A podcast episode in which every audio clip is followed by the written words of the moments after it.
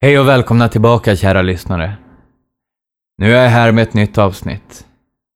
Jag har även tänkt att jag släpper ett avsnitt varje vecka hädanefter. Ett lite kortare avsnitt kanske, med en historia eller två. Mest för att jag älskar att läsa upp de här för er. Men också för att jag tror att ni inte kan få nog av historierna. Jag har läst era recensioner och jag försöker att förbättra podden. Därför har vi idag ett nytt intro, vi har bättre ljud och vi har mindre prat. Nej, det sista är inte rätt, men i alla fall. Vill ni hjälpa så lämna en recension efter ni lyssnat på avsnittet, vilken podcastapp du än använder. Och vill ni donera finns en länk på nmfpodd.se där ni kan göra det. Denna podden drivs helt på egen hand och är inte sponsrad, så göra detta kostar ur egen ficka. Och jag har ingenting emot det, men med donationer kanske jag kan göra längre avsnitt oftare. Vilket som. Det är inte därför ni är här. Ni är här för en creepy pasta, eller hur? Då har jag en ikväll, från vår anonyma spökskrivare. En som får håren att resa sig på armarna. Här är det som göms och glöms. Välkomna till När mörkret faller.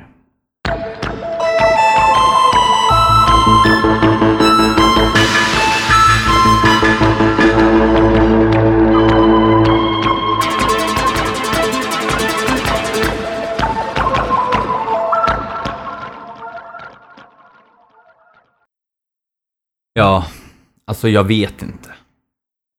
Hur ska jag kunna berätta det här för er, eller för någon annan människa överhuvudtaget, utan att bli betraktad som en dåre i åratal efteråt? Jag har inte blivit galen. Jag har bara bestämt mig för att riskera att ni får ha den uppfattningen om mig eftersom det finns något jag måste göra. Och jag har ett behov av att berätta om det för någon ifall något skulle hända mig. Och det kan lika gärna vara ni som någon annan. Ni duger fint. Ja, kära söta, var ska jag börja? Så här är det, förstår ni. Vi kan säga att jag heter Frank. Jag har alltid gillat det namnet. Jag är en ensamstående medelålders man som bor i ett litet hus en bra bit utanför stan. Avsides, isolerat och ensamt. Fast helt ensam är jag inte. Jag har min gamla döva hund och en katt som följde med i affären när jag köpte huset jag bor i. Och så Andersson förstås. Jag bor och lever så här av två orsaker. Dels och mest för att jag faktiskt trivs med det. Jag har aldrig varit särskilt social. Men eh, dels också på grund av mitt jobb. Jag arbetar hemifrån och mitt arbete kräver koncentration. Jag behöver lugn och ro omkring mig helt enkelt. Både privat och när jag jobbar. Det är svårt att hitta ett sånt lugn om man bor inne i stan. Nu kanske ni undrar vad jag jobbar med. Det behåller jag för mig själv. Jag är ganska välkänd och många av er vet nog vem jag är, åtminstone till namnet. Eh, vilket är en ytterligare bidragande orsak till att jag bor som jag gör. Eftersom det jag kommer att berätta är av en ganska känslig natur så vill jag inte skylta öppet med vem jag är. Och faktiskt är det egentligen inte relevant för den här historien heller. Så. Nog nu om det. Tids nog kanske ni kommer att få veta. Jag har hur som helst bott här ute ett bra tag nu. Och jag måste säga att jag trivs fantastiskt bra. Till och med på vintern. Andersson som äger den stora gården ett par kilometer norröver brukar hjälpa mig med snön på vintern mot att jag håller ett öga på hans kor när det går på bete här intill om somrarna. Det gör jag gärna. Ett helt okej byte för min del. Andersson är en rätt bister äldre man som inte pratar bredvid mun. Han har levt på landet och bott på sin gård i hela sitt liv och har ett sätt att uttrycka sig och uppföra sig som inte passar i alla sällskap. Men om man står ut med det så är han en god vän. Och jag står gärna ut med hans fasoner och det händer att vi faktiskt träffas och tar ett par öl ibland. Eller flera. Men som sagt, förutom att Andersson tittar förbi ibland och hunden och katten är jag helt ensam här hemma och det har fram till nu varit en välsignelse. Vilsamt för själen och jag får saker och ting gjorda. Jag får vara i fred. Nu har det som hänt kanske, eller kanske inte förändrat alltihop. Det har i alla fall rubbat mitt lugn och skapat oro där det förut bara fanns frid och ro. Jag tycker inte om det. Det började igår vid frukosten. Jag har alltid uppskattat en rejäl frukost och därför satt jag där vid köksbordet med en tallrik gröt, en trave smörgåsar och en stor mugg nybryggt kaffe. Juicen var slut. Jag svor lite för mig själv över det. Jag bläddrade igenom gårdagens post medan jag funderade på hur jag bäst skulle lägga upp dagen så att jag fick så mycket som möjligt gjort på ett arbete som jag låg lite efter med. Ja, och tydligen behövde jag ju handla nu också eftersom juicen var slut. Plötsligt hörde jag ett kort, vasst elektroniskt pip. Jag fattade inte vad det var som lät och det gick så fort att jag inte ens hann uppfatta vilket håll det kom ifrån. Konstigt, tänkte jag nog, men glömde sen snabbt hela saken sådär som man gör. Men under dagen återkom det där pipandet med jämna mellanrum. Och då började jag förstå vad det var. Det var en sån där varningssignal som elektronik ger ifrån sig när batteriet börjar ta slut. Jag kunde bara inte räkna ut vilken apparat och vilket batteri det kom ifrån. Det var inte datorn, mobilen eller brandvarnaren i alla fall. Jag kunde inte påminna mig om att jag hade mer elektronik som kunde låta så.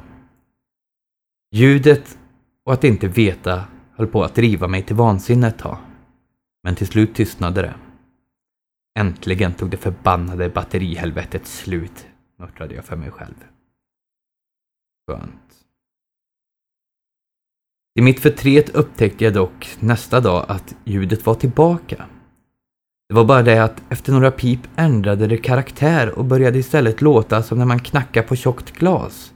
Ni vet, om man knackar på rutan på en gammal tjock-tv till exempel. Knack, knack, knack. Alltid tre i snabb följd.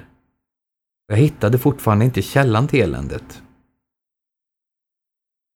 På kvällen kom Andersson, han sparkade av sig sina höga gröna gummistövlar i farstun och stod sen klumpigt och lite ostadigt på ett ben och höll sig i min köksdörr med ena handen medan han drog upp sin ena strumpa med den andra.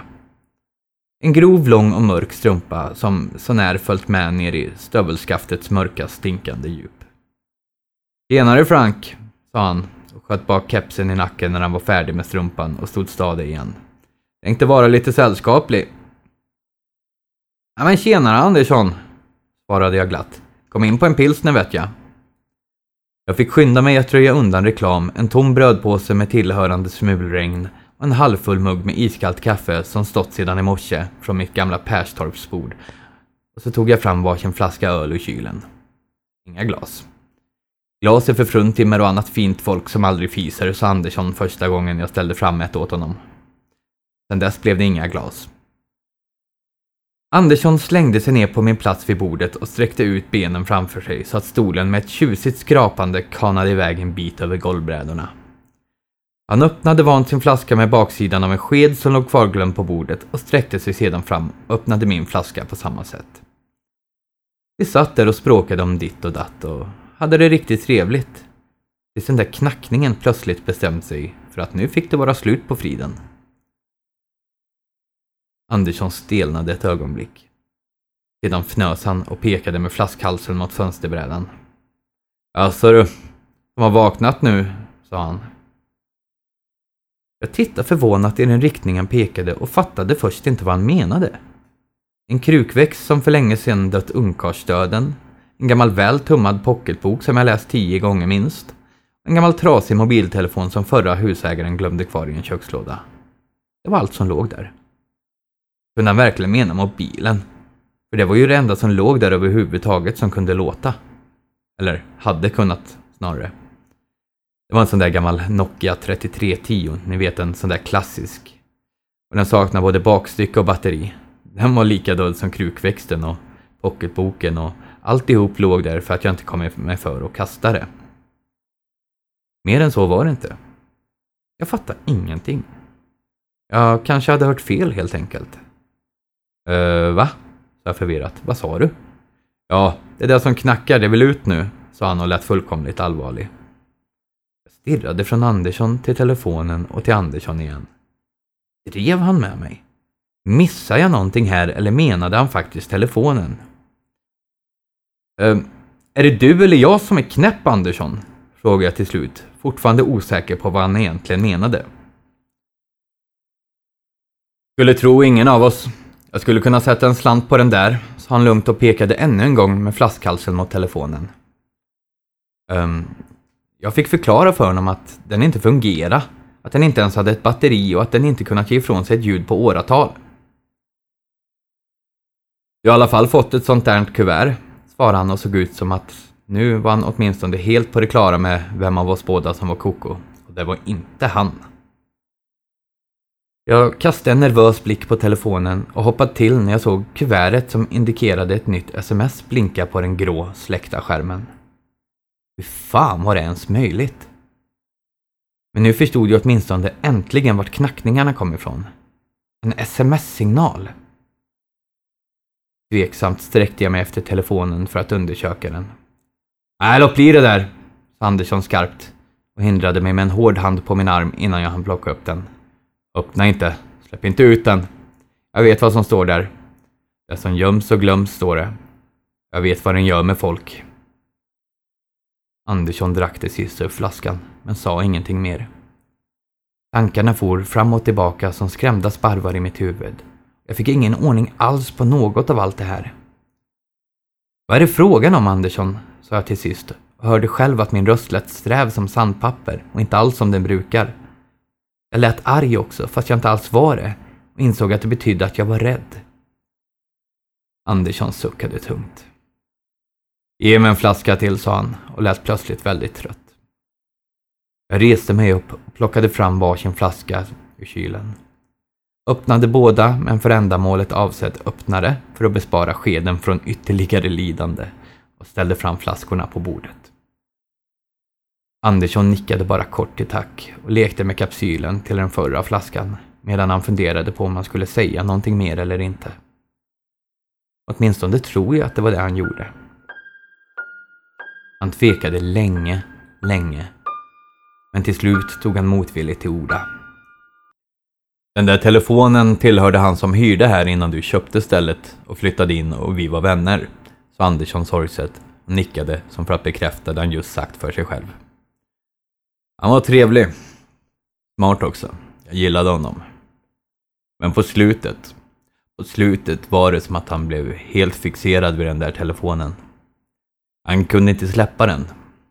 Ändå var han rädd för den, sa han. Det fanns någonting inuti den som inte skulle vara där, sa han. Någonting som ville bli utsläppt. Som ville bli befriad. En dag när jag kom hit hade han slagit sönder den. Baksidan och batteriet var borta, men han sa att den levde ändå. Jag tog upp den för att titta och medan jag höll i den började den knacka och det där kuvertet dök upp i rutan. Jag öppnade det. Jag öppnade kuvertet och på något sätt släppte jag ut den som var fången där inuti.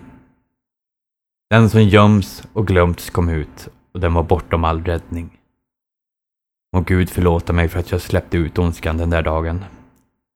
Någonting obeskrivligt for ut och krävde sin hämnd i ett skrikande inferno av mörker och ben. Och sorg. Jag tror jag svimmade. Det måste jag ha gjort för det nästa jag minns är att jag vaknade på marken i skymningen och att jag inte kunde hitta min vän. Och vi letade. Vi letade i timmar, dagar och sedan en hel vecka. Till slut hittade vi honom. Vi fann honom i den gamla brunnen som varit igenspikad i åratal, långt innan han ens kom hit. Nu låg locket på men spikarna var borttagna och låg i gräset i en prydlig rad. Så vi lyfte upp locket. Och där stod han, längst ner. På huvudet. Han stod på huvudet stel och rak som ett järnspett och med armarna ut efter sidorna och han var helt täckt av spindelväv. Intill honom stod ett skelett på huvudet. På precis samma sätt. Jag glömmer aldrig den synen. Min vän var död och den som stod bredvid honom kunde aldrig identifieras. Men det tillhörde en kvinna. Den som är glömd och gömd var en kvinna.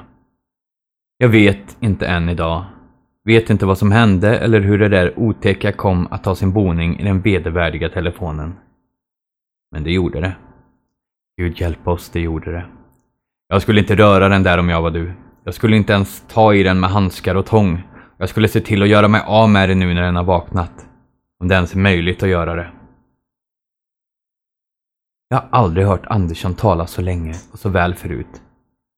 Och det fick mig att förstå att det var sant. Jag förstod också hur viktigt det var för honom att berätta det här på rätt sätt för mig så att jag verkligen skulle lyssna och förstå allvaret i situationen och inte bara avfärda honom som galen och knäpp. Och jag lyssnade. Jag lyssnade noga och på rätt sätt och jag förstod. Och det hoppas jag att ni också gör. Jag är inte heller galen. Fråga Andersson får ni höra. Jag försökte ställa några frågor om detaljerna men han ville inte prata om det. Han hade gjort sitt, sa han, utmanat ödet mer än vad som var hälsosamt. Kort därefter reste han sig och gick hem utan att särskilt mycket mer blev sagt. Och nu sitter jag här med min tredje flaska pilsner och skriver ner allt detta. Ensam med en trasig gammal Nokia som på något sätt är ansvarig för en människas död.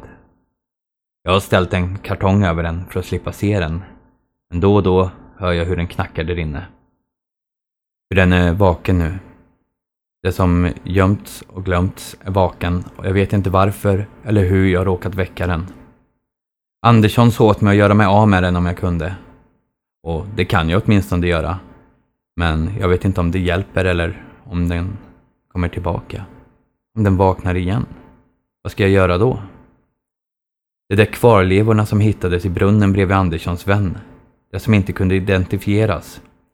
Jag antar att det är vad som menats med gömts och glömts.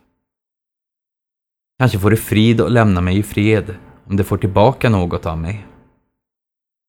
Jag tänkte ta med mig telefonen ut nu ikväll och jag tänker släppa ner den i brunnen och spika igen luckan efter mig. Det blir som att jag lämnar tillbaka den. Jag hoppas att det fungerar och att allt kan bli som förr igen. Jag hoppas att det inte gör det ännu värre. Jag vet inte säkert, men jag tänker försöka, för jag tror att det är min enda chans.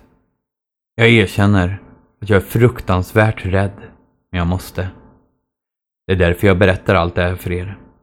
Om jag plötsligt skulle försvinna så kommer det att märkas fort. Det kommer att stå på löpsedlarna. Och om det gör det, så vet ni. Säg till dem så fall att jag är i brunnen. Ge mig styrka. Må Gud vara med mig i det jag nu måste göra.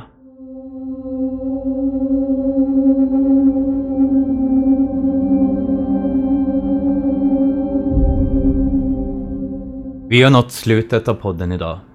Tack för att ni har lyssnat. Skriv gärna på hemsidan eller i en recension vad ni tycker. Och följ gärna podden på Instagram där vi heter nmfpodd med ett D. Eller på Facebook där vi finns som När mörkret faller. Vi hörs snart igen. Jag lämnar er här nu, ensamma, med era telefoner. Kanske knackar det snart.